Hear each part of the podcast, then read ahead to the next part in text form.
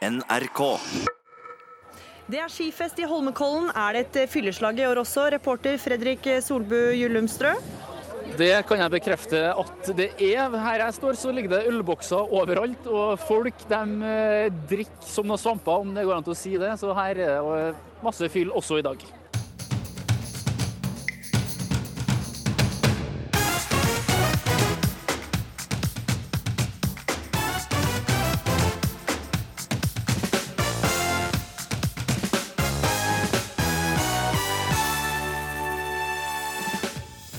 Mannen bak begrepet fattigdomslykke holder kurs i nettopp det å være fattig og lykkelig.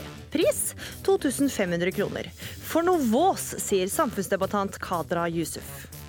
Blogger Anne Britt Davidsen har lest mange drøye meldinger om seg selv på Kvinneguiden. Er det mulig for en nitrist dame i gapestokken med sånne kvinnfolk? Nå går hun til frontalangrep på kvinnelige nettroll.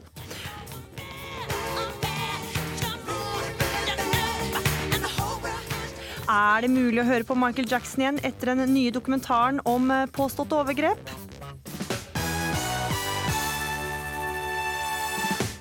Ja, det er lørdag, og det er ukeslutt. Jeg heter Gry Veiby og skal følge deg de neste timene, der vi også skal innom partiet Venstre mens vi har det, for ifølge visse meningsmålinger er det nærmest på vei ut. Og kravlende, krypende skjeggkre er i ferd med å få fotfeste i de tusen hjem. Slapp av, de er verken farlige eller gjør skade, sier biolog, som mener vi er for hysteriske. Det er igjen duka for skifest i Holmenkollen. Mange husker kanskje fjorårets kalas. Kaos på T-banen, slåssing og skadde mennesker. Ja, et regelrett fylleslag som etterlot enorme mengder søppel i skogen. Det er et himla kaos. da. Folk har vært uh, utrolig ufine. En jente som besvimte i køen til en T-banen oppe på Frøysetra. Og så var det en fyr som hadde sklidd på isen og brekt foten sin. Det er steg! Det har skjedd en ulykke, derfor kommer du ikke gjennom. Jeg hadde ikke villet tatt med meg Marius opp dit i går. Det hadde jeg ikke. Kanskje, kanskje skal man begrense seg litt, i hvert fall når ut, utfallet blir sånn som det ble i går. da. Ja, og til slutt der så hørte du Marit Bjørgen, som altså ikke ville tatt med seg sønnen til Holmenkollen skifest. Og reporter Fredrik Solbø Gyllumstrø, du står midt ute i skogen ved løypa. Og litt tidligere så hørte vi deg si at det blir fest i år også. Og hvordan vil du beskrive stemninga nå, når klokka så vidt er over tolv på en lørdag dag?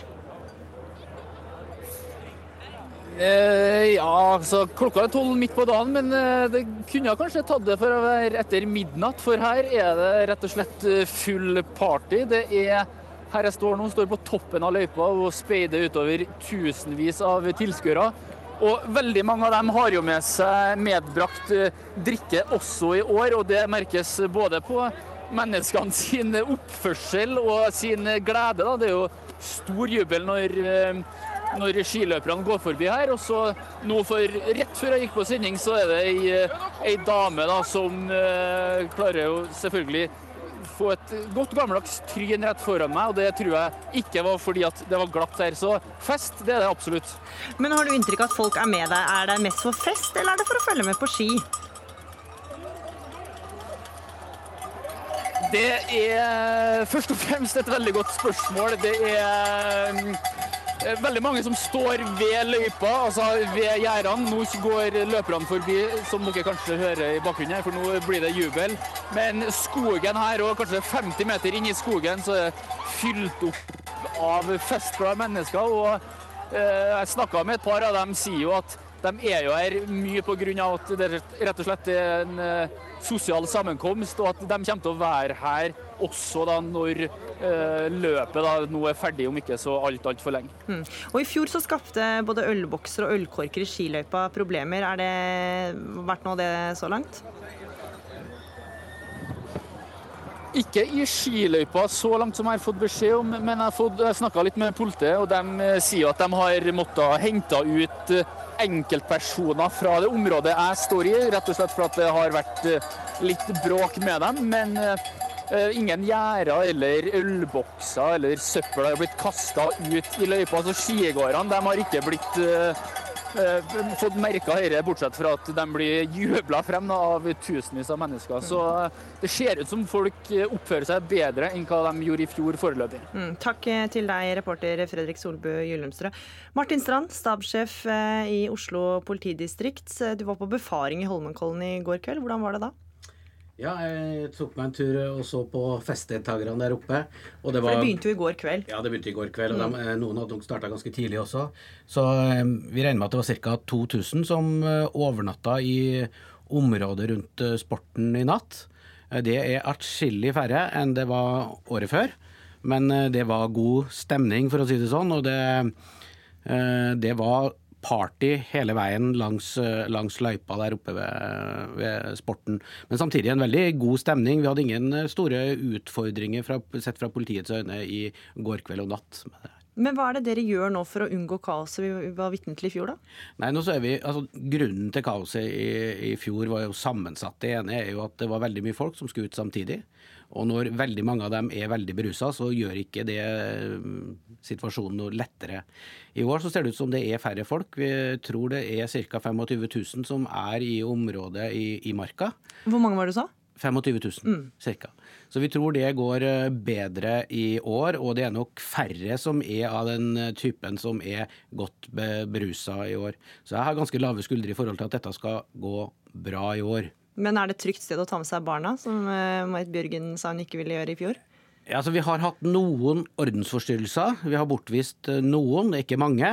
Eh, Jeg har vært der noen gang tidligere med ungene mine. Har da ikke stått i det mest eh, festområdet. Jeg har stått i andre områder. Men det er ikke farlig, men det kan være ubehagelig. Det er det nok. Men, men det er litt sånn kultur. Sånn har vi hatt det der veldig lenge. Og jeg tror ikke vi greier oss å stoppe det her.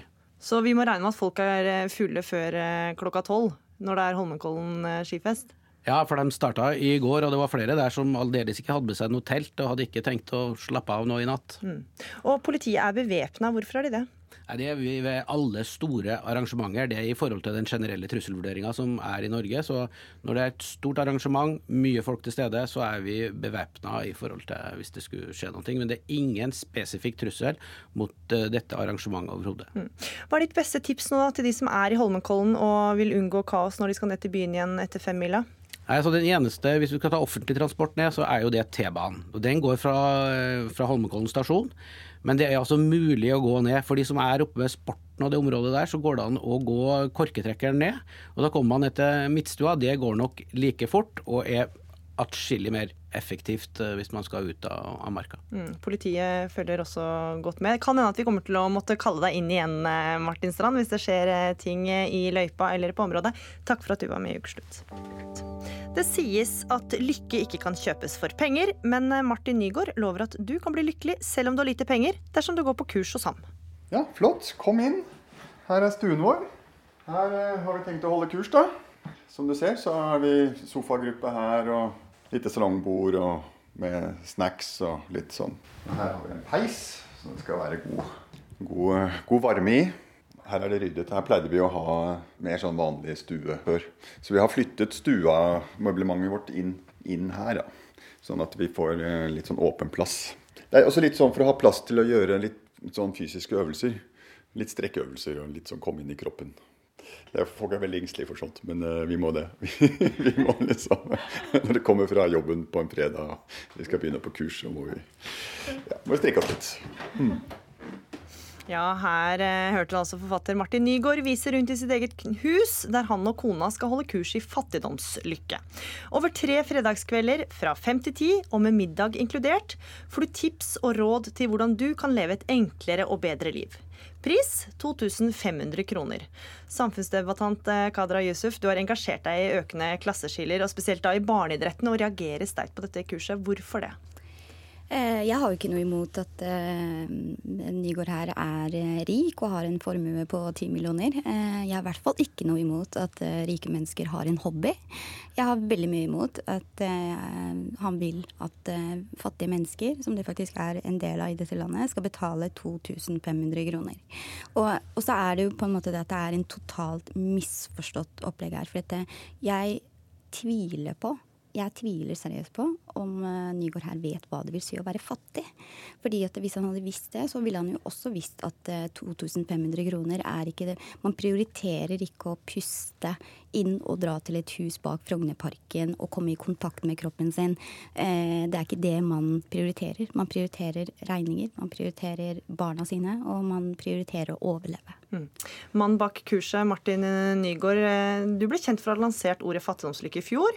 Det var et ord da som Språkrådet kåra til et av fjorårets eh, nyår. Og nå arrangerer du også dette kurset i fattigdomslykke. Hvorfor skal folk betale penger for, for å lære seg å leve lykkelig som fattige? Eh, det skal de fordi det er et eh, profesjonelt kurs på 15 timer. Og det tar tid, og det er anstrengende. Det er mye å lære, det er praktiske øvelser, det er mye oppfølging. Det er mye jobb, rett og slett. Og så vil jeg legge til at kurset er ikke ment for fattige mennesker. Det er ment for egentlig tvert imot mennesker som har lyst til å leve enklere, skalere ned og likevel være happy. Altså ha det godt med mindre. Og tro det eller ei, det er vanskelig. Men hvorfor heter det altså kurs i fattigdomslykke? Uh, det, egentlig så er det en reaksjon fra min side på at uh, ordet fattigdom ble brukt feil i Norge. Jeg kan ikke helt forstå at det er fattigdom i Norge. Det er dårlig råd. uh, det er det nok. Men har du norsk pass, så tviler jeg på om du egentlig trenger å gå sulten, forfrossen eller husløs i det norske samfunnet. De som er virkelig er fattige, har jo ikke det. Så jeg er blitt beskyldt for å bruke dette uttrykket i, uh, på en feil måte som en, som en hån mot de virkelig fattige. Jeg mener at det norske samfunnet bruker fattigdomsbegrepet som en hån mot de som virkelig er fattige i verden. Mm. Vi skal ikke ta selve fattigdomsbegrepet her, men dette kurset, da, eh, Kadra Yusuf, er det, ikke, er det ikke et viktig budskap da, at flere bør lære seg å leve enklere og med mindre, som eh, han påpeker her nå? Ja, altså Det å leve nøysomt er et valg. Eh, det å være fattig er ikke det. Og det er klart at hvis du f.eks. Eh, er en aleneforsørger med to barn og lever i omsorgsyrket, som veldig mange kvinner gjør f.eks., og har eh, får betalt ca. 20 000, og etter at du har betalt barnehageplass og husleie og regninger, så har du ikke så veldig mye igjen. Du sitter ikke med så veldig mye igjen. Med barnetrygden da, så er det kanskje bitte litt. Eh, og så skal du da bruke de pengene på eh, dette kurset i stedet for å f.eks. kjøpe nye sko til eh, barnet ditt. Eh, og så sier du at eh, det er ikke veldig mange mennesker altså Vi har ikke ekte fattigdom. Både ja og nei. Men eh, si det da til de foreldrene som står i kø på fattigdomshuset i, i forskjellige byer i Norge tidlig om morgenen for å få tak i melk og brød til sine barn. Det er en Jeg, jeg, jeg har fullstendig forståelse for at du, du ikke at hvis du har muligheter, hvis du f.eks. vet at du har en arv i sikte, hvis du har en ressurssterk familie, hvis du i det hele tatt um, har en trygghet, uh, så vil du da selvfølgelig ikke forstå hva det vil si å leve i utrygghet. Og så en siste ting. Akkurat som arv og formue eh, og hus og hytte går i arv, så går også fattigdom i arv. Og det er det vi egentlig snakker om. At det er faktisk folk som er ordentlig fattige i dette landet, og som ikke velger det, men som vil være det, og som har barn som også er fattige. Så Nygaard, det der å bruke begrepet fattig, fattigdomslykke er på en måte et misbruk også av begrepet fattigdom? Ja, altså, to, to sider. Altså, altså, Skillet mellom lykke og glede tror jeg er kjempeviktig. Og det er det ikke, få, er ikke så mange som får til. Men altså, lykke er noe du har inni deg. Det er noe du Jo, men så er det ordet eh, fattigdom, da, være, som er det triggerordet her. Ja, men men altså, fattigdom handler for meg om en fattigdomsgrense, og at vi ved å bruke det ordet stempler mange mennesker som fattige. Jeg syns det er en uting. Jeg syns også det er stigmatiserende. Og jeg har vært fattig sånn sett. Fordi at jeg har levd med familien min på eller under fattigdomsgrensen. Og dette har jeg jo regna ut. Men samtidig så har du fått kritikk fordi at du også har hatt en hytte i tillegg, og du eier en villa, og du har en høy ligningsformue. Så har du da virkelig vært fattig? Ja, det har jeg absolutt. Eh, disse tingene kommer Nei, senere. Nei, du har jo ikke det. Ja. Fattigdom handler om utrygghet. Det handler om å ha konstant konstant angst for å ikke eh, få betalt regningene sine. Ikke vite hva du skal eh, leve av eller gi til barna dine når det er liksom tolv dager igjen til lønningsdagen. Det er å ikke ha familie, det er å ikke ha ressurser. Altså, du men, Ok, nå skal jeg roe meg ned litt ned her, og så skal jeg spørre deg. Er det mulig at du kunne holdt et annet kurs? Et slags kurs som handler om eh, kunsten å eh, komme fra en ressurssterk familie, eh, kunsten å ha flaks? Altså, det er jo like virkelighetsfjernt å ha hatt et sånt kurs som et fattigdomskurs. da. Jeg tror du er inne på noe der, og jeg har reflektert selv, særlig om dette med uh, fattigdomsgård i arv. Det er jeg helt enig i. Jeg tror det er mye lettere å være fattig når du kommer fra rikdom. Uh, altså disse som jeg egentlig henvender meg til med kurset. De som har, uh, og, og, og, gjerne vil skalere ned. de som har mye penger, men velger å leve nøysomt. Ja, ikke sant? Nemlig. Mens det å i generasjoner ikke har hatt og har vært fattig, det er en psykologisk tilstand som jeg tror det er riktig går i arv. Og jeg tror faktisk at du må først ha transcendert fattigdom, blitt på en måte rik, eller føle at du har trygghet. Og nok, trygghet er kjempeviktig. Før du kan leve enkelt øh, og sparsommelig og med lite og føle glede over det. Fordi inntil du har gjort det og opplevd det, så vil du ikke Du vil hele tiden ønske deg Eh, den rikdommen, eh, de gledene, de du ikke har råd til. Mm. Hvem er det du tenker? Altså, du tenker at de som er rike, som har lite penger nå, det er de som er målgruppa for kurset ditt? Ja. Oh, ja, også sånn, eh, Hvordan leve nøysomt mens du venter på armen? ja, det kan du godt si. ikke sant? Men altså det, det å klare seg altså, Du skjønner, det å skulle føle at man må ha 100 %-stilling som eh, altså, Det er et problem i vårt samfunn er at kvinner og menn i familier føler at de må jobbe ekstremt mye. De har ikke tid til barna sine. Det å gå deltid er en skam, på en måte. Skal du gå deltid, så må du også klare deg på mindre penger. Kurset vårt handler om hvordan kan du klare det? Hvordan kan du gå ned fra full stilling til en halv stilling og likevel greie deg og ikke føle deg uh, mislykket, ikke føle deg som mindre verdig. Men nå vil du si at dette er et kurs for de privilegerte, da? Ja, Det kan du for så vidt kalle det. Det er i hvert fall ikke et kurs for de som er fattige og har vært det i generasjoner. Overhodet ikke. Men igjen så snakker vi om valg og muligheter. Det er klart at eh, eh det er lettere eh, at en velger å jobbe deltid hvis man er to. Ikke sant? Det er lettere å velge deltid hvis man har ressurser. Men veldig mange mennesker i det landet her også vil gjerne jobbe mer, men får ikke det. Det er noe som heter ufrivillig deltid. Da.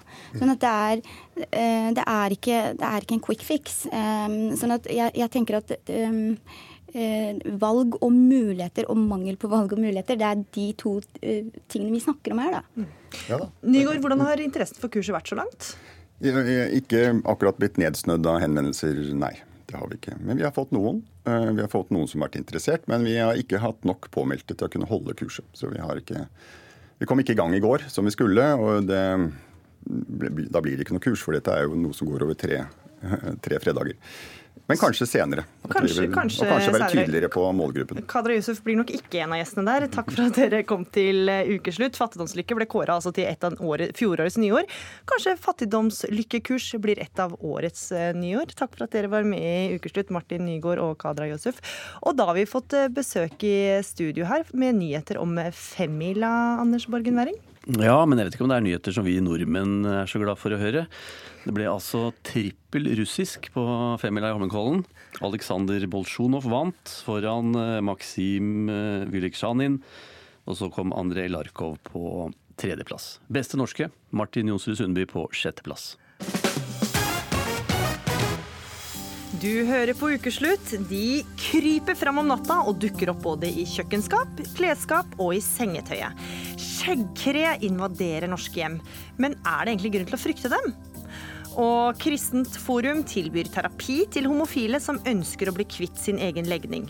Et tilbud som skaper skam og selvforakt, mener homofil prest.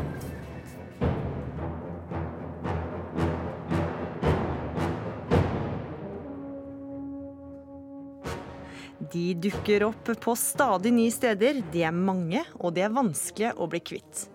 Norske boliger invaderes av små, grå og hårete insekter, skjeggkrene. Men hvorfor er vi så hysteriske så lenge skjeggkrene faktisk ikke er så farlige?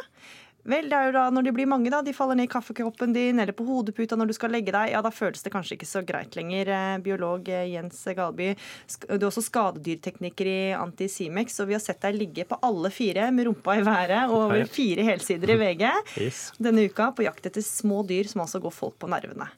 Du hjelper folk å bli kvitt skjeggkre, og mener vi har blitt litt for hysteriske når det kommer til disse små insektene. Hvorfor det? Jo, dette er jo i utgangspunktet et dyr som egentlig ikke gjør noe skade. Eh, det eneste skaden jeg har opplevd at skjeggere har gjort, at de spiste opp en bruksanvisning som en hadde lagd på en eh, vaskemaskin. Så de, de gjør ikke noe skade. De lever ganske skjult i konstruksjonen og spiser støv og smådyr og annet de kommer over. Men Så de gjør egentlig litt nytte også, da, eller? Nei, ikke direkte nytte, kanskje, men uh, de, de, de, de, ødelegger ingenting. Men utfordringen med dem er jo at det er et ny art for oss. Det er uvant.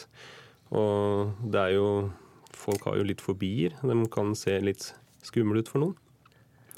Og ja, da Og så er det det at media har jo sett muligheten til å lage noen saker med dette her, og haussa opp stemningen ganske kraftig. Vi har litt av skylda, vi også, kanskje med haimusikken. Så ja, det er sånn typisk Anders Leisner, du er advokat i Huseiernes eh, Landsforbund, eh, og vi hører her skjeggkrenn er ikke noe farlige. Er vi ikke bare litt hysteriske her, da? Nei, jeg syns ikke det. Eh, det er jo fint at de ikke er farlige, det, det, kan man jo være glad for. Men når man kjøper seg en bolig til massevis av penger, og så eh, oppdager at kryr av hårete, svære, ekle dyr, Eh, relativt svære i hvert fall, det skjønner jeg godt at folk reagerer på. At de ønsker å bli kvitt. Mm. Så, så, jeg syns ikke det er hysterisk å ville få en slutt på et sånt problem. Ja, for Galby, disse her er jo da eh, De kan jo krype opp i kaffekoppen din. Jeg så et bilde hvor noen hadde funnet opp i godteskåla si. De kan liksom krype fort over senga di når du ligger og sover. Det er jo ikke rart at folk blir litt hysteriske da. Nei, eh, det er ikke det. Men det er det er ikke det som er vanligste oppholdsstedet for skjeggkre. Eh, det er eh, folk det er folk som har tatt bilde av det, for det, det selvfølgelig ser ille ut. Men det typiske oppholdssted for skjeggere er inni konstruksjonen og under fotlister og steder hvor du egentlig ikke ser dem. Så du mener at du ikke ser de så ofte, egentlig? Nei, eh, folk, folk kan leve med skjeggere i flere år uten å faktisk ha sett et eneste et. Da høres det litt ut som hysteri, Leisner. Fordi jo, ja, jo, men, man ikke ser dem engang. Når du ikke ser dem, så vet du ikke at du har dem, så da er du ikke hysterisk. Men det er jo når det blir mange av dem, og det blir et problem, at, eh, at dette må gjøres noe med. Og det har man jo krav på å få ordnet opp i på lik linje med alle andre problemer man kan oppdage når man kjøper et hus. Altså det, det er en mangel på, på, samme måte som fukt eller, eller, riper i parketten eller hva det måtte være. Så dette er noe som folk ønsker å altså Det var ikke det de så for seg da de kjøpte, mm. Og, og, da ønsker de å, å bli kvitt det.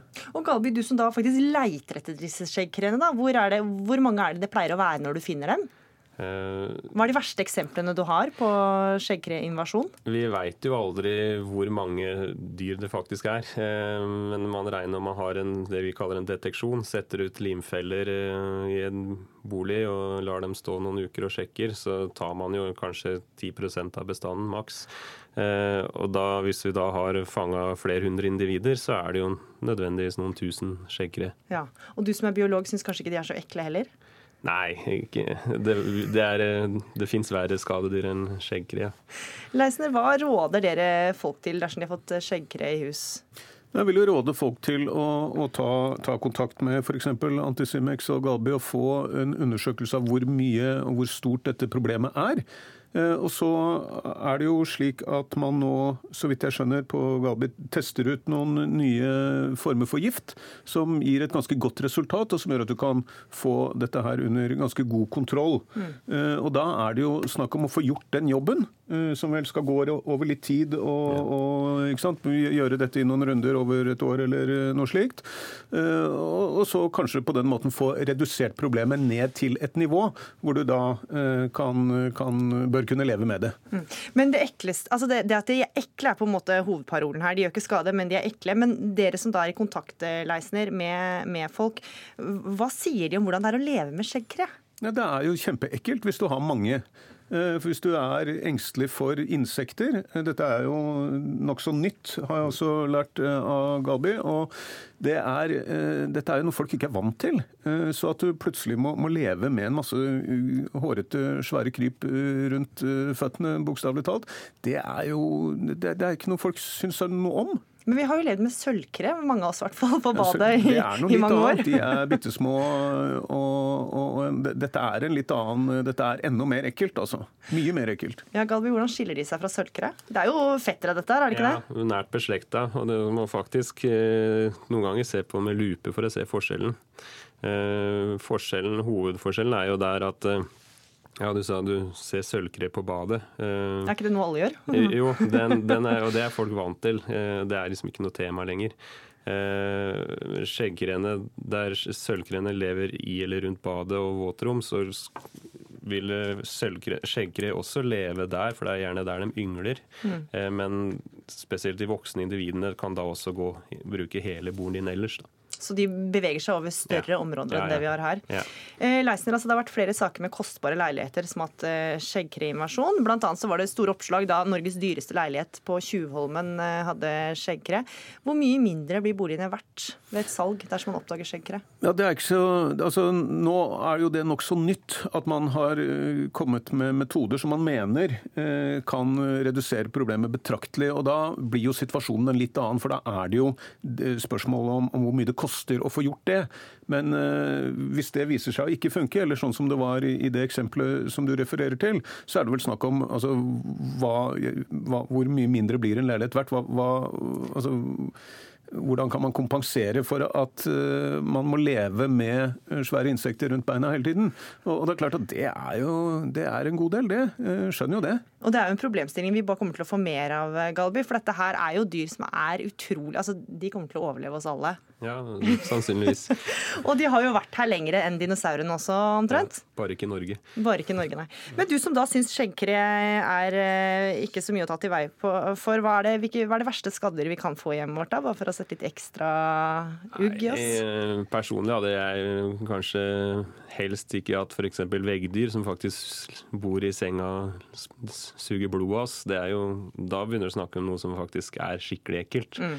Eh, kontra skjeggkre som ja, de gjør egentlig ingen skade, bortsett fra som man sier, de forringer verdien på boligen. Det er jo det de gjør. Og kanskje Eh, gir deg litt sånn psykisk skade òg, hvis det er masse kryp rundt der. eh, ja. Spesielt hvis du har litt fobi fra før, så selvfølgelig, da kan jo dette bli litt traumatisk. Ja. Du trenger nesten ikke ha fobi for å være ekkelt med masse flekkere. Jeg merker i hvert fall at jeg begynte å klø litt bare av å snakke om dette. her. Takk for at dere var med i Ukeslutt. Jens Galby, eh, biolog, og Anders Leisner, advokat i Huseiernes Landsforening.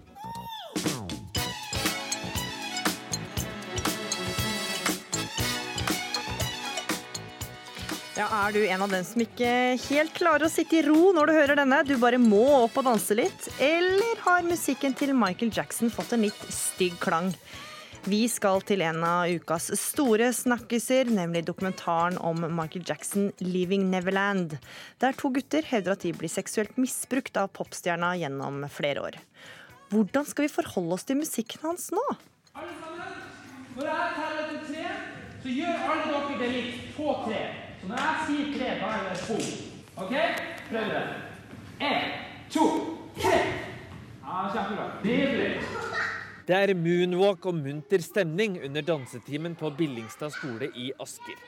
Danselærer og Michael Jackson-imitator Kent Olaf Steinhaug viser frem noen av Jacksons mest legendariske dansetrinn. Men som en av landets største fans av Jackson har ikke den siste tiden vært lett.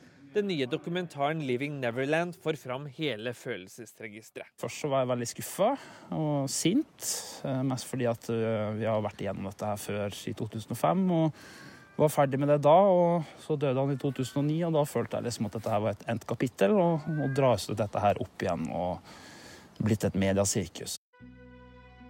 For sirkus har det blitt etter at James Safechuck og Wade Robson forteller i dokumentaren at de ble grovt seksuelt misbrukt av popikonet. Det var onani og oralsex. In Paris, he introduced me to masturbation, and that's how it started. and he's down there and you know with his his mouth on on, on my you know seven year old penis Fan Steinhaug fornekter innholdet i dokumentaren, men en annen Jackson-fan og DJ i P1, Pia Skjevik, er rystet etter å ha sett den, og hun trenger en liten pause fra Michael Jacksons musikk. Jeg tror at jeg i litt uoverskuelig tid fremover kommer til å ha problemer med å spille Michael Jackson uten å nesten forklare det. Jeg har sittet hele tiden og tenkt hvordan blir det å sette på noe nå, og jeg kjenner at jeg Jeg kjenner at jeg liksom nærmer meg det å trykke på play med litt sånn Jeg vet ikke. Ikke helt ennå, altså. Hun syns også det er vanskelig å skille mellom kunstneren og privatpersonen. For meg personlig så kjenner jeg at jeg trenger å gå noen runder med å skille Om jeg skal skille det, nettopp fordi da hans hans kunst var også inngangsbretten til disse små guttene, liksom.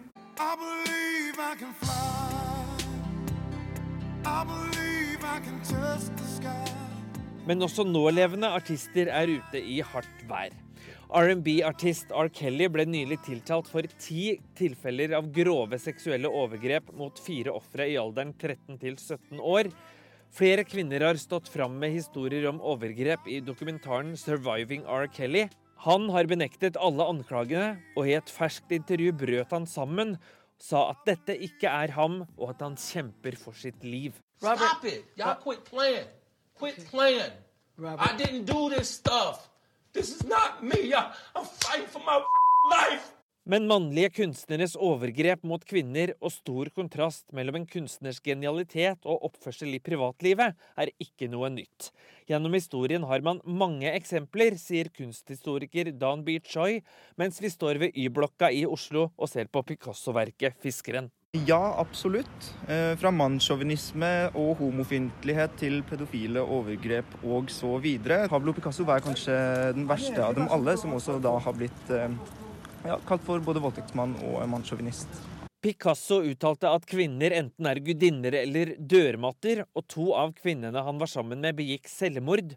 Men nå tar vi et oppgjør med kunstneres oppførsel på en helt annen måte, sier Choi. Den nye mainstreamen er faktisk eh, moralistisk, og jeg tror at dersom eh, det skulle blitt diskutert å kjøpe inn eh, disse Picasso-bildene i dag, i hvert fall det Nasjonalgalleriet eide voldtekt og voldtekt under vinduet fra 1933, så tror jeg absolutt at det ville vært elleville debatter og mange forslag om å egentlig få dem sensurert eller ikke utstilt.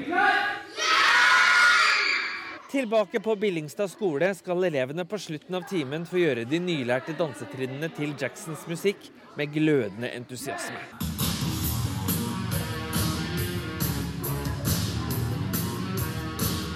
Hvordan dokumentaren 'Living Neverland' vil påvirke ettermælet til Michael Jackson, og musikken skrevet med gullskrift i pophistorien, er for tidlig å si. Men fan Kent Olaf Steinhaug er iallfall klar på at han aldri vil endre mening eller forlate sitt idol. Michael Jackson er, er, som en familie. Fansen er som en familie. Og hvis man ser hashtaggen MJFam, så vet man hva det gjelder. Vi er en familie som uh, finnes over hele verden, og som nå hjelper hverandre og er sammen om dette her. Og ingen kommer til å forlate Michael Jackson som er som meg. Og du kan se dokumentaren 'Leaving Neverland' på NRK TV i morgen kveld, eller på nettet. Og reporter i saken var Knut Øyvind Hagen. Ja, Da har Anders Borgen Werring kommet inn i studio igjen.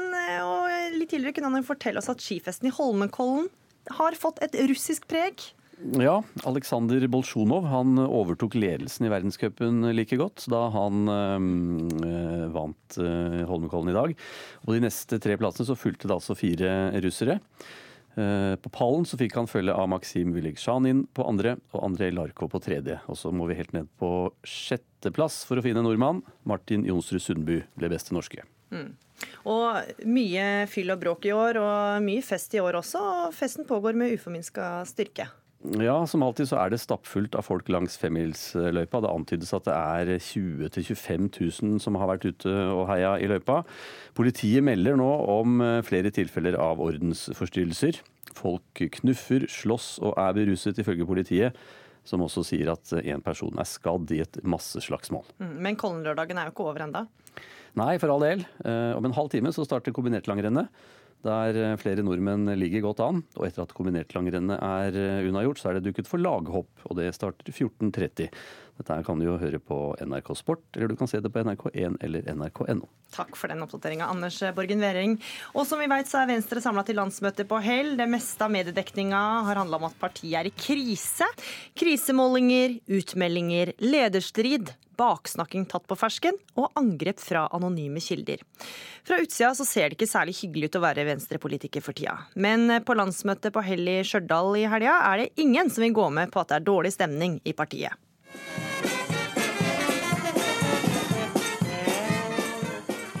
Mens det snør i hell, åpner Strindens promenadeorkester ballet på Venstres landsmøte. Jeg hadde hørt at det var litt dårlig stemning i Venstre om dagen. Så vi tenkte hvem er best på å lage god stemning? Er det oss? Så da dukka vi opp her, da. Men det er Trine Skei Grande og hennes tale som virkelig må gjøre jobben. Klarer hun å riste av seg kritikken?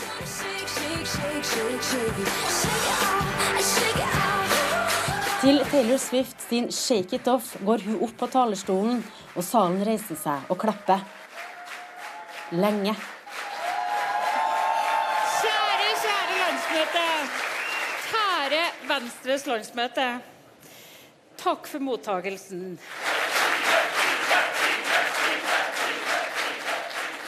Og Det var derfor jeg gledet meg sånn til landsmøte. For jeg var helt sikker på at dette var et landsmøte som nettopp klarte å finne den energien og finne sammen igjen når vi fikk muligheten til å møtes i et rom. For det er nettopp det jeg vet at når Venstre virkelig starter på en kampanje, så klarer vi å løfte oss. Men vi har hatt noen dårlige uker før det. Hvorfor gikk du opp på talerstolen til sangen 'Shake It Off' med Taylor Swift?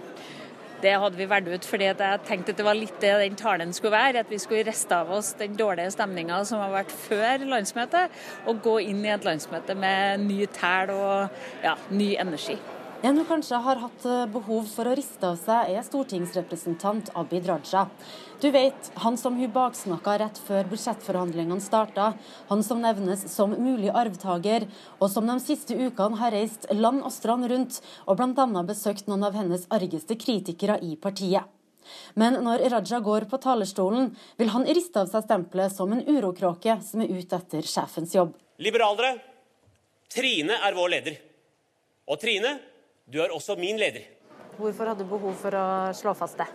Fordi det har blitt skapt så mange spekulasjoner i media om posisjonering og maktkamp og lederkamp. Og det er ingen lederkamp og maktkamp. Jeg har iallfall ikke startet det.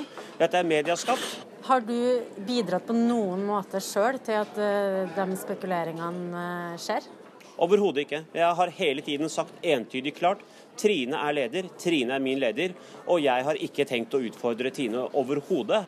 Og at den gode stemninga skal være noen form for skuespill for å maskere at partiet er i krise, det går han ikke med på. I hvert fall ikke når det kommer til grasrota og lokale kandidater. Ja, ok, Vi nasjonale politikere kan ja, legge på et uh, litt ekstra smil, men disse lokale folka de driver ikke og skuespiller. De er ekte mennesker, ekte politikere, og dette lokalvalget handler om dem, ikke om oss. Men dine smil kan vi være av og til litt tvilende til? Da? Det kan dere alltid være tvilende til. Jeg er, eh, jeg er jo sånn innvandrermann, og vi er jo tvilsomme, er vi ikke det?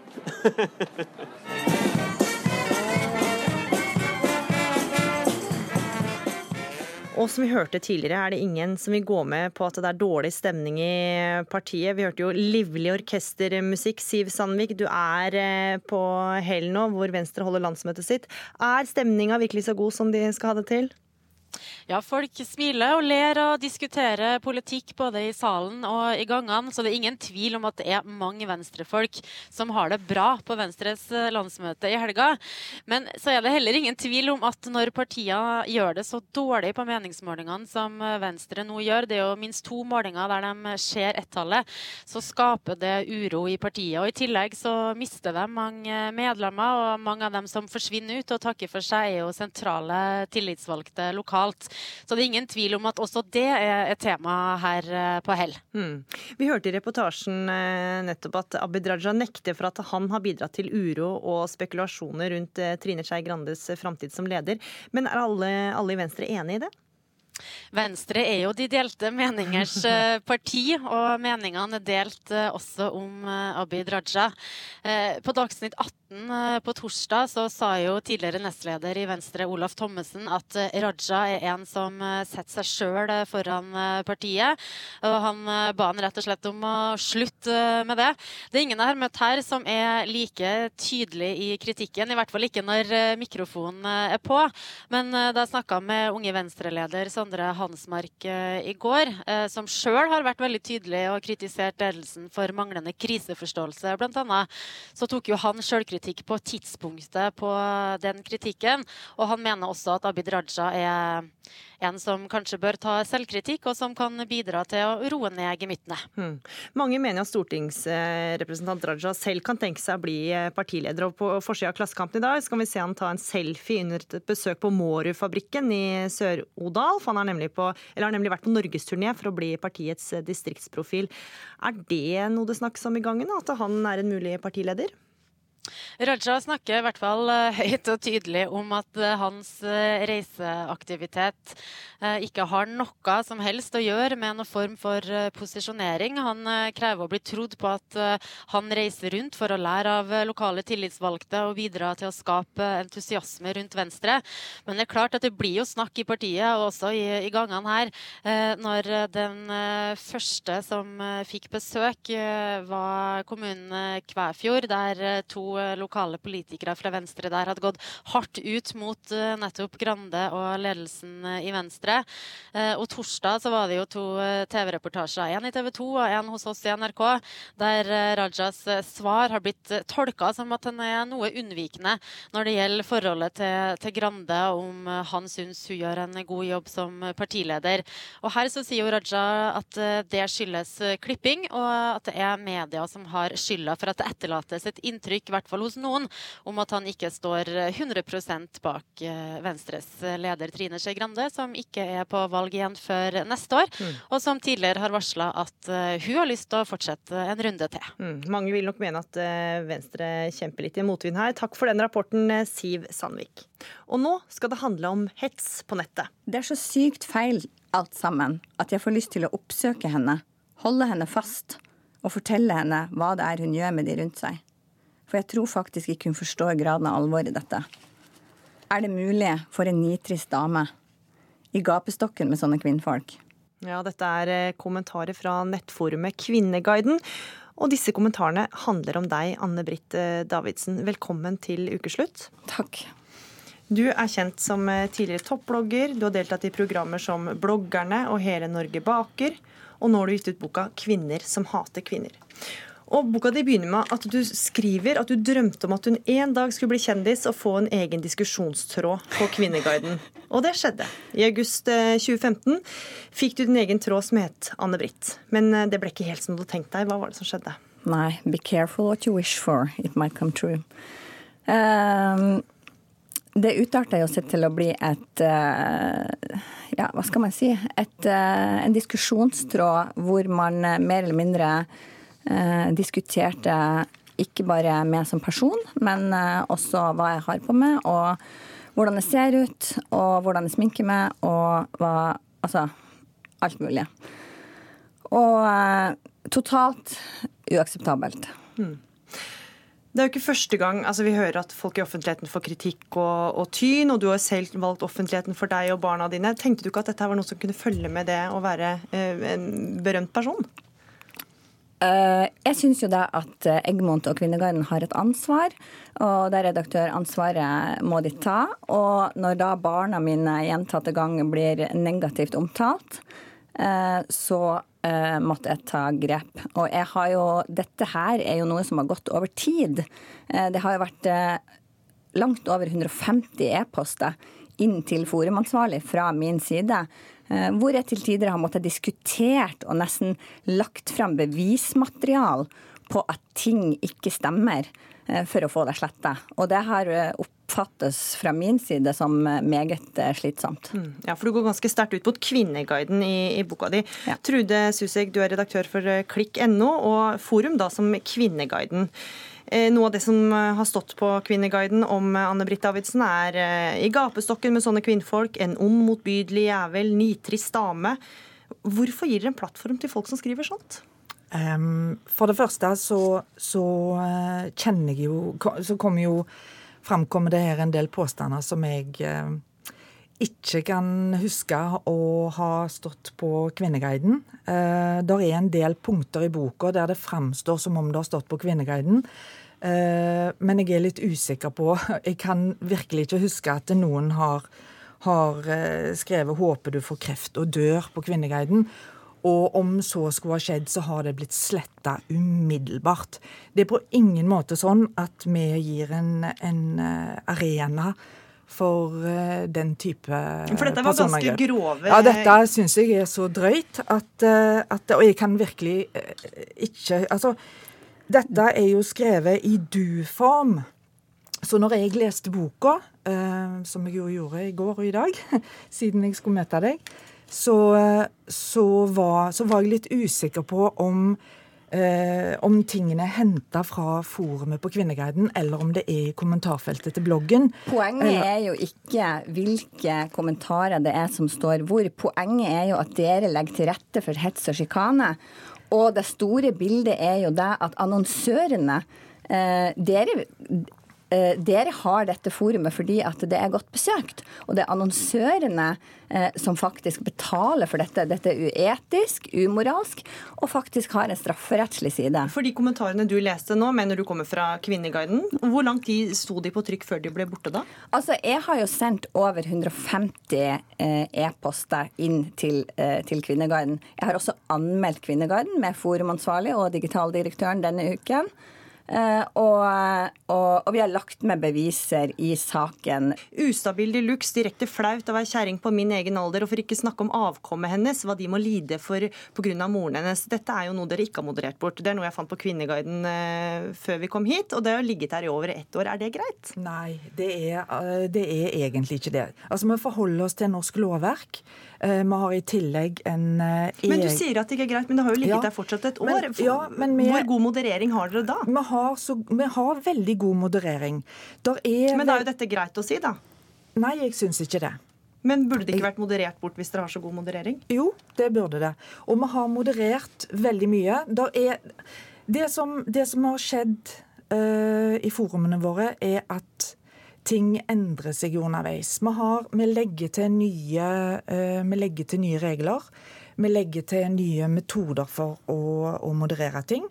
Sånn at vi tar vekk en god del ting nå som vi ville latt stå for ei tid tilbake. Så ville ustabil de luxe og direkte flaut av kjerring på min egen alder, ville det bli tatt bort nå? Det vet jeg ikke. Det må ses litt i kontekst for eh, hvor det står hen. Men det er klart at å kalle noen for ustabil kjerring er jo ikke i utgangspunktet greit. Men jeg ville sett dette i kontekst, fordi jeg syns det er vanskelig å sitte her og si at jeg har en fasit på hva som er greit, og hva som ikke er greit. Men det er ikke greit å kalle dattera mi for en rosa makron, liksom. Nei, det er absolutt ikke greit, Nei. og alt det er tatt bort. Fordi det, det dere sa, var at barna hennes skulle ikke få lov til å nevnes eh, med Nei. navn, men da fant mange av brukerne på eh, kallenavn, Ja. som fortsatt ble brukt. Hvorfor ble Mm. ikke det moderert bort? Jo, det eh? er tatt vekk. Det er moderering, Davidsen. Og så oppfordrer også Kvinneguiden at de som skriver skal være høflige, de skal vise god folkeskikk, og de skal opptre som de ville gjort eh, dersom de hadde møtt folk ansikt til ansikt. Og også sier de ta kontakt med moderatorene dersom de ser at noen bryter reglene. Hva mer skal de gjøre da i en løpende debatt som foregår på nettet? Og det har jeg gjort. Tatt kontakt og ikke fått svar gjentatte gang. Og dette viser jo Dette er jo ikke bare et problem som jeg opplever, dette er jo et samfunnsproblem. Og vi ser jo gang på gang at de som sitter på nett, drar det med seg ut i det virkelige livet. Og dette her er jo bare én av de rystende tingene som jeg har skrevet om i boka mi. Ja, for at du, I tillegg til å skrive bok, så har du også anmeldt Kvinneguiden. Hva er det du vil få ut av dette her? Jeg håper jo selvsagt at det skal bli umulig å være anonym på nett. Jeg håper at de som skriver anonymt, rett og slett må stå for deg i det virkelige liv. Skriver du og er et rasshøl på nett, så må du stå for deg i det virkelige liv, med navn. Og tør å stå frem og si at ja, vet du hva, det skrev jeg. Og der håper jeg at Kvinneguiden og Eggemont tar ansvar for, og sørger for at det skjer. Mm, ja, Syns jeg Er det en mulighet, at de må skrive under fullt navn? Eh, det er jo noe som vi vurderer kontinuerlig. Fordi at uh, forum er en sånn levende mekanisme som endrer seg, som jeg sa i stad. Endrer seg hele tida. Premissene for forum endrer seg. Uh, men med, jeg er litt opptatt av at Kvinneguiden er jo mye mer enn to uh, tråder som omhandler, omhandler Davidsen. Men det er over tre millioner visninger. Og skjønner det at det er godt å ha, for det er et godt besøkt forumdel, og dere Mm, får masse klikk. Og annonsørene betaler for disse. Og nå har du anmeldt eh, to av dine medarbeidere, Susek. Hvordan stiller dere dere til det? Nei, altså det eh, tar vi jo til etterretning. Jeg var ikke kjent med det. Um, Jeg regner med kanskje at eh, de medarbeiderne som er berørt av dette, har fått informasjon. Eh, Men det, det, dette kjenner jeg ikke til, så det er veldig vanskelig for meg å kommentere. Men eh, det som er viktig for meg å si, det er jo at når en skriver ting på Kvinneguiden, så er det jo veldig mange mennesker som, som uh, søker råd, og som får hjelp til ting. Uh, folk som stiller spørsmål om, uh, om kan, kanskje veldig personlige, private ting som de trenger hjelp til. Og, og, jeg, og, jeg, og jeg tror det blir veldig vanskelig for folk å, å si at si ting og fortelle ting hvis de må gjøre det under fullt navn. Så, og Det som er viktig å si her, at det, det som det som Davidsen peker på her, som er problem, og jeg har full forståelse for at det er problematisk for henne og familien å stå i noe sånt. Det er jo ingen som betviler det. Det har jeg full forståelse for. Men samtidig så må Kvinneguiden som er Norges største forum rett og slett eh, ta hensyn til at dette er, et, et, eh, det er en plattform som hjelper veldig veldig mange mennesker, som ikke driver med, med den type kommentarer som, eh, som blir vist til her. Her står det grusomheter. Altså som kanskje er lovbrudd, og dette er det annonsørene betaler for. Og det er ikke greit. Og Davidsen, du deg som blogger, så nå blir det kanskje mindre? Det håper vi jo, men jeg håper dere gjør, skal dere gjøre noe med dette problemet. Du hører på Ukeslutt, og tilby kristenterapi for å hjelpe homofile å bli kvitt egen legning er destruktivt, mener lederen av Åpen kirkegruppe. Vi kan ikke fjerne dette bare fordi norsk offentlighet ikke tåler terapeutenes standpunkt, svarer Misjonssambandet. Og metoo kom aldri til skolegården. hore, sløtt, fitte eh, og mye, mye verre ting. Ja, jentene bak dette treffer du snart. Men eh, nå skal vi ut i marka igjen, vi. Fredrik Solbu Jullumstrø. Du er eh, i Holmenkollen, og der det er folkefest, eller fyllefest som noen kanskje vil si, for politiet har allerede meldt om masseslagsmål. Hvordan er det der nå? Ja, Det er mer en fyllefest enn hva noe annet. Ja. For eh, når løpet var ferdig her, så eh, og gjerdene rett og slett ble bare meid ned av eh, publikum, så oppstår det jo både litt eh, småkjekling og hele pakka. Og eh, det skjer altså Jeg kan ikke si at det ser ut som en krigssone, men det ligger ølbokser, søppel, gjerder som er bare slengt hit og dit, det er telt som er forlatt. Så, så det er jo ikke et veldig pent syn sånn sett, men folk koser jo seg. Men det er jo folk som, som du sa, som er i slagsmål. Det er veldig mange som er overstadig berusa. Jeg snakka med både politiet og hjelpemannskap her som sier at de går faktisk rundt og plukker opp folk som ikke klarer å ta vare på seg sjøl, og sender dem, eh, ja, sender dem til Røde Kors. da. Er det meldt om noen skader enda? Eh, Så langt som jeg har eh, fått med meg, så er det ikke meldt om noen skader. Men det er flere som har vært bevisstløse, men det er pga. altfor høyt eh, alkoholinntak. Og jeg har også snakka med flere som var i fjor. De sier at det var verre i fjor. Og da tenker jeg bare herregud, da måtte det være ille i fjor, for det er skjedd her, da. For det er ganske ille. Folk går forbi meg, og øynene deres går jo både til øst og vest. og Flere av dem de krabber jo nærmest opp bakken. Men det skal også sies at veldig mange de klarer også å oppføre seg. Mm, ja. Det blir nå i hvert fall nok eh, å henge fingra i for eh, politiet. Takk for at du var med, Fredrik Solbu Gyllumstrøyen. Vi ønsker eh, å bistå deg som har en for deg uønsket seksuell orientering. Det står det på nettsidene til eh, Til Helhet, som er et kristent forum, som sier de tilbyr terapi til homofile som ønsker å bli kvitt sin egen legning. Og helt siden avisa Klassekampen skrev om dette tilbudet, har reaksjonene stått i kø. Til Helhet har blitt møtt med vantro av mange, og nå tar politikere i både Venstre, SV og Høyre til orde for å forby såkalt reorientering av eh, homofile. Og Gard Sandaker Nilsen, du er leder av Åpen folkekirke og Oslo bispedømmeråd, og selv homofil. Og nylig sa du til avisa Vårt Land at eh, Til helhets budskap bidrar til å skape skam og selvforakt. Hva mener du med det? Ja, det er Hele grunnen til eh, at folk ber om hjelp eh, til å bli kvitt destruktive eh, følelser, er jo fordi at Kirken har forkynt at homofile og lesbiske er syndige, og, at disse følelsene ikke kan, kan leves ut. Og, og, LHBT trenger et annet budskap. Det er at de er skapt med slike følelser og bør få hjelp til å anerkjenne og elske seg selv. Og Det er også bakgrunnen for at Den norske kirke vier lesbiske homofile og, og feirer at de finner hverandre. Uh, så det å si at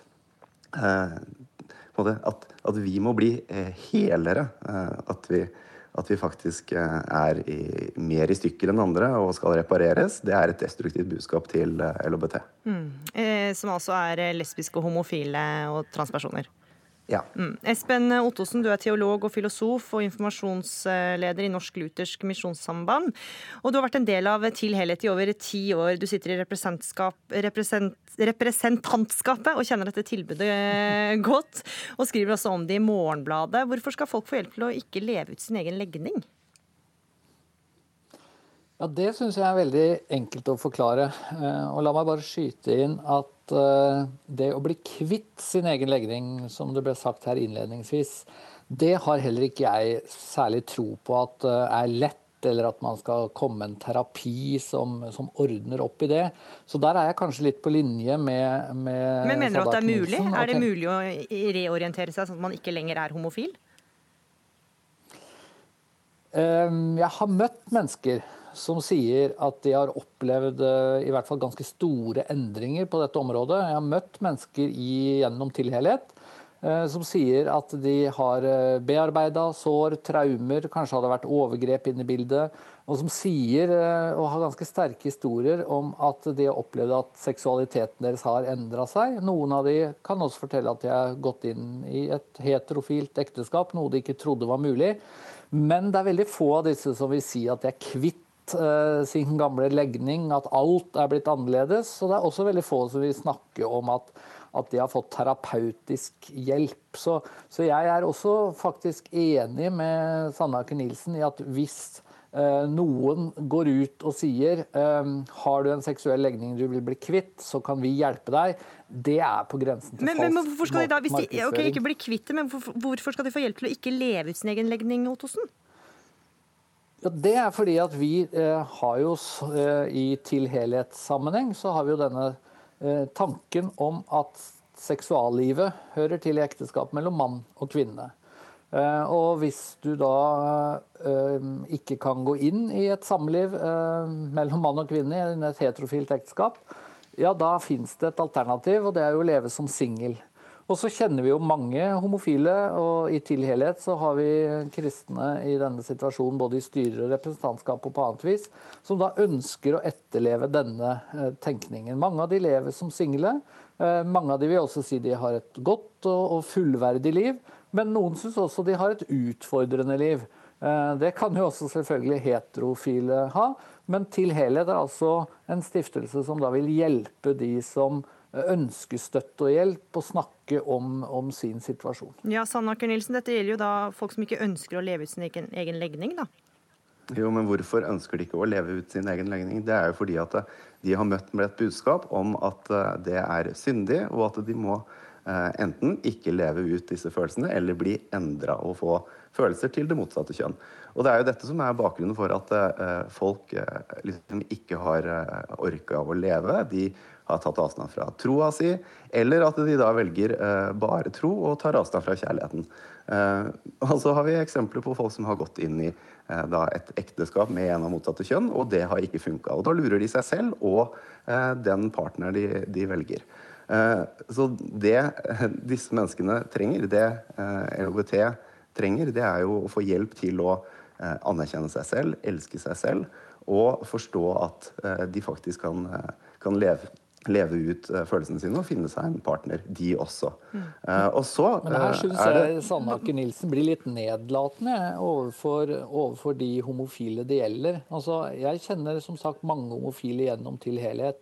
Og det du sier til dem, er at de må skifte teologi, de må skifte tenkning, de bør tenke helt annerledes om seg selv, fordi at du har svaret som gjelder for absolutt alle, og det svaret er at eh, homofile følelser det er bare flott, og et homofilt forhold er bare greit. Og jeg respekterer jo ditt ståsted. Nei, men og jeg er- klar over hva Den norske kirke står for, og, og hva veldig, veldig mange mener. Spørsmålet er jo egentlig kan du og andre også respektere at det fins kristne med et annet syn, eh, og som har krav på et, eh, jeg på å si, et minimum av respekt for det? Sanna Nilsen skal få svare. Jeg, jeg respekterer eh, andre syn, og at det finnes ulike måter å tenke både om, eh, om LHBT og om, eh, om ekteskapet på. Eh, men utfordringen her er at man sier at, at for å bli et helt menneske, så kan du ikke leve med én av samme kjønn.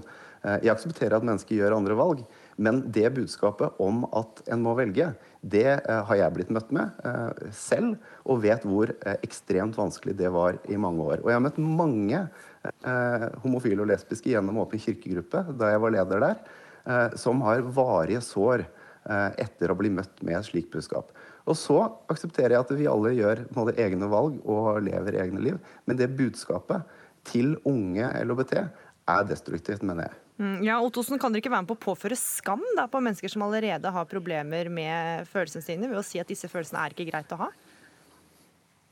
Jo, jeg tror faktisk det er et problem. Og jeg har som sagt vært med i Til helhet i, i over ti år. Og vi har jo hatt mange nyttige, gode diskusjoner om hvordan skal vi snakke om denne, denne tematikken på en så god måte som mulig, for nettopp å ikke skape skam eh, og ikke skape selvforakt og selvfordømmelse. Jeg tror det absolutt har skjedd i, i kristen sammenheng, og derfor har jo jeg veldig behov for å si, ikke minst fordi jeg selv lever i et eh, vanlig ekteskap og den er sagt og er heterofil, at jeg betrakter jo ikke verden slik at det fins to seksuelle orienteringer. En som er god, altså hvis du er heterofil, da er liksom alt i sin skjønneste orden. Og så er det en homofil legning, og den er, den er ikke bra, og den må du bli kvitt.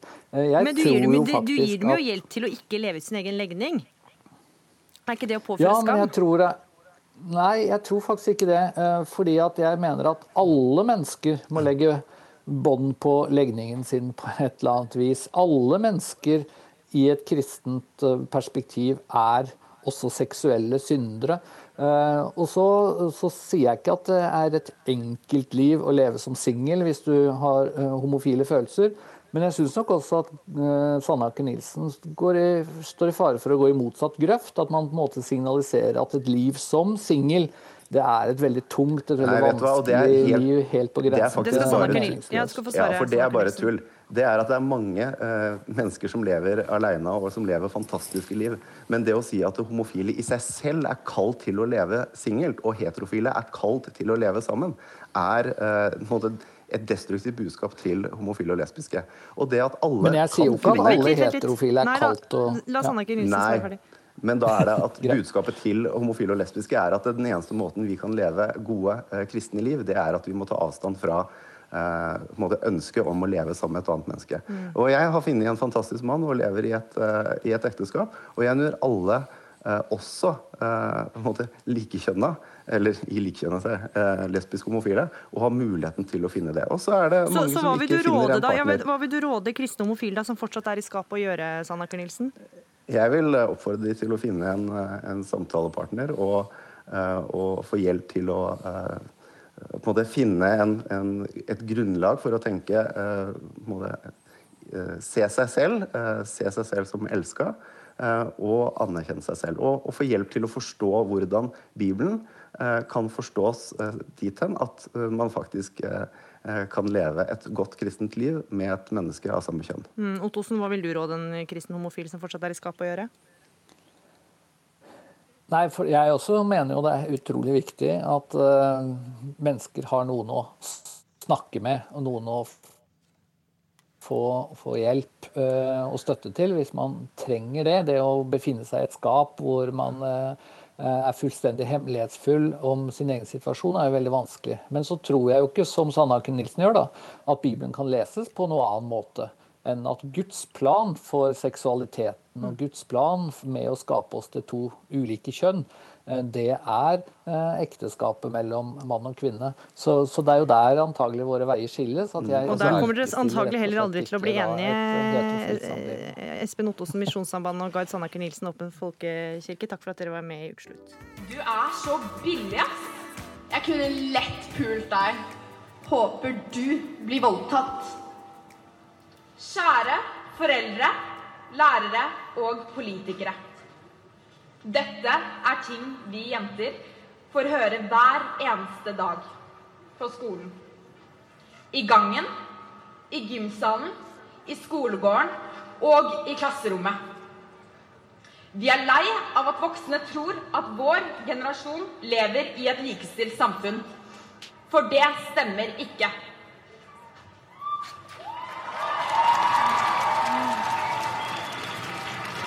Det begynte med en kronikk i Aftenposten, som igjen førte til et møte med politikere på Stortinget, og i går som talere under kvinnedagen. Det har vært en spesiell uke for 14-åringene Ella Fyn, Elisiv Aure og Ea Baklund fra Oslo, etter at de fortalte at de daglig ble utsatt for nedsettende kommentarer og hets. Metoo-kampanjen kom aldri til skolen, sier de. Men det er ikke alle som kjenner seg like godt igjen i det. Uh, nei, jeg pleier ikke å gå rundt og kalle folk for horer selv. Jeg pleier vanligvis å bare si snille ting til folk. Men uh... jeg, pleier, eller jeg har aldri sagt det, og jeg merker jo ikke noe av det her på skolen i hvert fall. Men jeg kan tenke meg at det er et problem. Det kan jeg. Det sier Lukas Linde og Adrian Andersen. De er 18 år gamle og er elever ved Lillestrøm videregående skole. Og jeg møter dem sammen med kompisgjengen for å snakke om språkbruken blant gutta. De sier til meg at de ikke er blant dem som kaller klassekameratene sine for fitter, horer, billige og pulbare. Helt klart, det er jo en uh, fæl ting å si om noen. Og jeg skjønner jo at uh, folk blir såret uh, av det hvis de hører det. Ja, jeg la også godt merke til selv når jeg gikk på ungdomsskolen, at det var mer bruk av det der enn det er nå, eller på barneskolen. For det var nettopp i ungdomsskolegården at tre jenter denne uka tok et oppgjør med seksuell trakassering. Hore, sløtt, fitte eh, og mye, mye verre ting. Eh, også som at du blir voldtatt. I en kronikk i Aftenposten skriver Ea Baklund, Ellisiv Aure og Ella Fin at metoo-bevegelsen aldri kom til skolegården. Der utsettes de daglig for hets, trakassering og seksuelle kommentarer. Stort sett fra gutta. Ofte også gutter som har ringt meg og venninner mens vi har vært sammen, og bare ropt inn i telefonen 'sug meg', eller 'jeg kunne lett pult deg'. Og det er jo ja, det er veldig ubehagelig. Og det er ikke akseptabelt i det hele tatt. Jentene mener at de voksne på skolen er altfor dårlige til å reagere på hets mot jenter. På barneskolen så var den verste tiden for meg og Elisiv. Eh, så sa vi fra hver eneste uke, flere ganger hver uke, at dette var et stort problem. Og vi tok det opp med læreren. Foreldrene ringte til læreren, vi sendte mail. Ja, de ønsket virkelig ikke å ta dette opp som lærere når det er jobben din å ta det opp. Skolegårdvarslerne har fått massiv medieoppmerksomhet denne uka. Og på onsdag tok de plass på galleriet i stortingssalen. President, 14-åringene Ella, Ea og Elisiv, som sitter på galleriet her i dag, eh, fortalte som Her var det kunnskaps- og integreringsminister Jan Tore Sanner som måtte stå skolerett. Jeg kan godt si det nå, og jeg har sagt det før. Dette er et av mine viktigste satsingsområder. Det har på et vis vært lettere å nå ut til media og Stortinget, Norges mektigste personer, enn enn våre egne lærere. Og det skulle altså så mye til at Siv Jensen vet hvem jeg er, før det ble tatt på alvor. Dette er et uakseptabelt språkbruk å sette inn seksuelle uttrykk.